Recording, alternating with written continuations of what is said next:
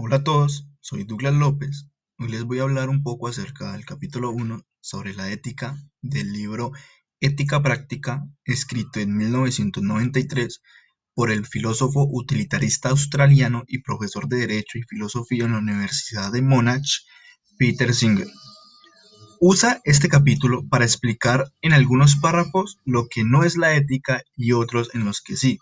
Él enfatiza por qué es relevante que la ética tenga una perspectiva práctica aplicada con un interés empático, entiéndase como una idea utilitaria, que sirva para las decisiones que debemos tomar las personas en la convivencia cotidiana.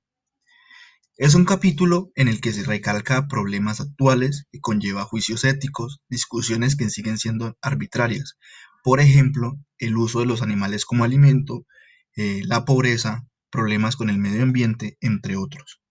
Es un texto dirigido a cualquier persona, en especial a aquellos que busquen un acercamiento hacia el mundo de lo ético y a sus prácticas controversiales. En efecto, el autor propone que el utilitarismo debe ser adoptado en nuestra forma de actuar, siempre y cuando haya una razón convincente e imparcial.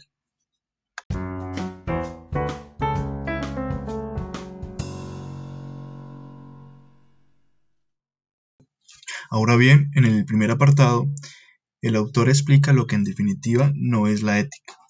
En primer lugar, la ética no es una provisión sexual, ya que esto no plantea problemas morales únicos que abarquen el término global ético. En segundo lugar, la ética no es un sistema ideal noble en teoría y a la vez no tenga validez en la práctica.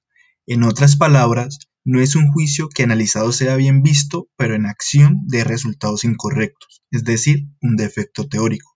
Por ejemplo, no mentir parece una norma que está bien adaptada en la vida real y en los juicios éticos, pero no es así, ya que hay momentos en los que mentir podría salvar vidas, como en la época nazi, donde si un gestapo tocara la puerta preguntando por nuestra familia judía, que está escondida en el ático, la respuesta más acertada sería mentir y negarla, caso que estaría bien visto. En tercer lugar, la ética no es algo que sea comprendido solo en el contexto de la religión, ya que ésta se basa en un autoritarismo y aprobación divina regidas por unos mandamientos inapelables. Por último, en este apartado, Peter designa que la ética no puede ser relativa ni subjetiva.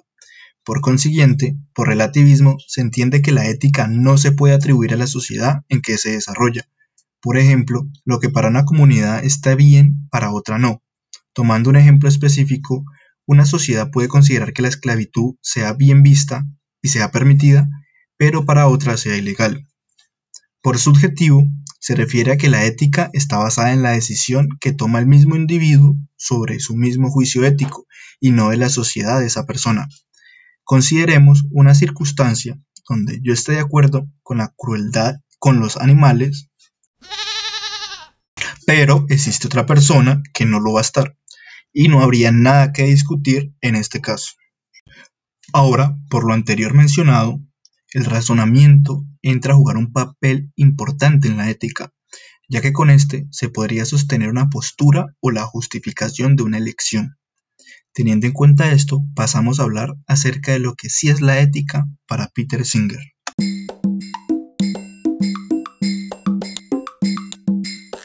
Por un lado, para Peter, la ética debe ser justificada y desinteresada, es decir, cualquier conducta debe tener una razón que se encuentre dentro del dominio de lo ético en oposición a lo que no es ético.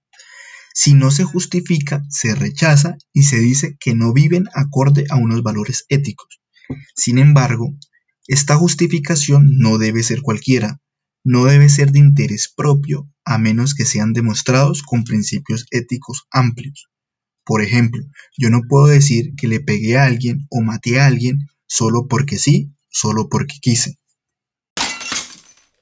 En pocas palabras, para Peter, la ética sería ese esfuerzo que hacemos las personas para justificar nuestras elecciones morales, pero no apelando a nuestros propios intereses.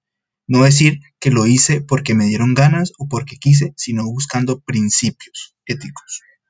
Por otro lado, existe una complejidad de que hayan principios universalizables, imparciales o ideales porque estos suelen ser relativos a la cultura, a los espacios, al tiempo.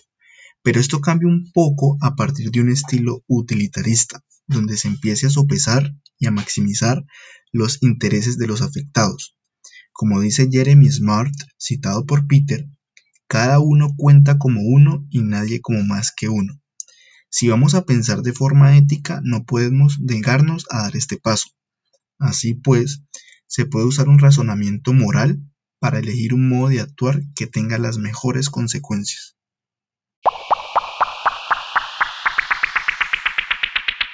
En conclusión, un juicio ético que sea justificado, convincente, desinteresado es lo que defiende Peter Singer.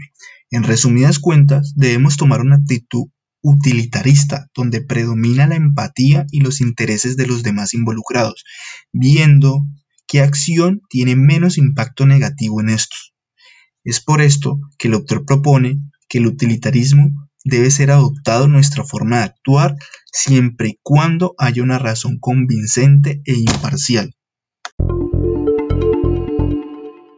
Ya para finalizar, desde mi punto de vista estoy de acuerdo con Peter, que una acción está bien cuando produce la mejor consecuencia.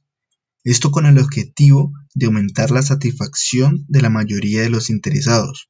Eso sí, teniendo razones válidas, es decir, que no prevalezca el interés propio. Por ejemplo, que sea lo que yo quiero porque solo busco mi bienestar. Siento que esta manera de pensar no es nada empática y es rechazable. Si pensamos desde un punto de vista universal, conseguiremos un mejor bienestar.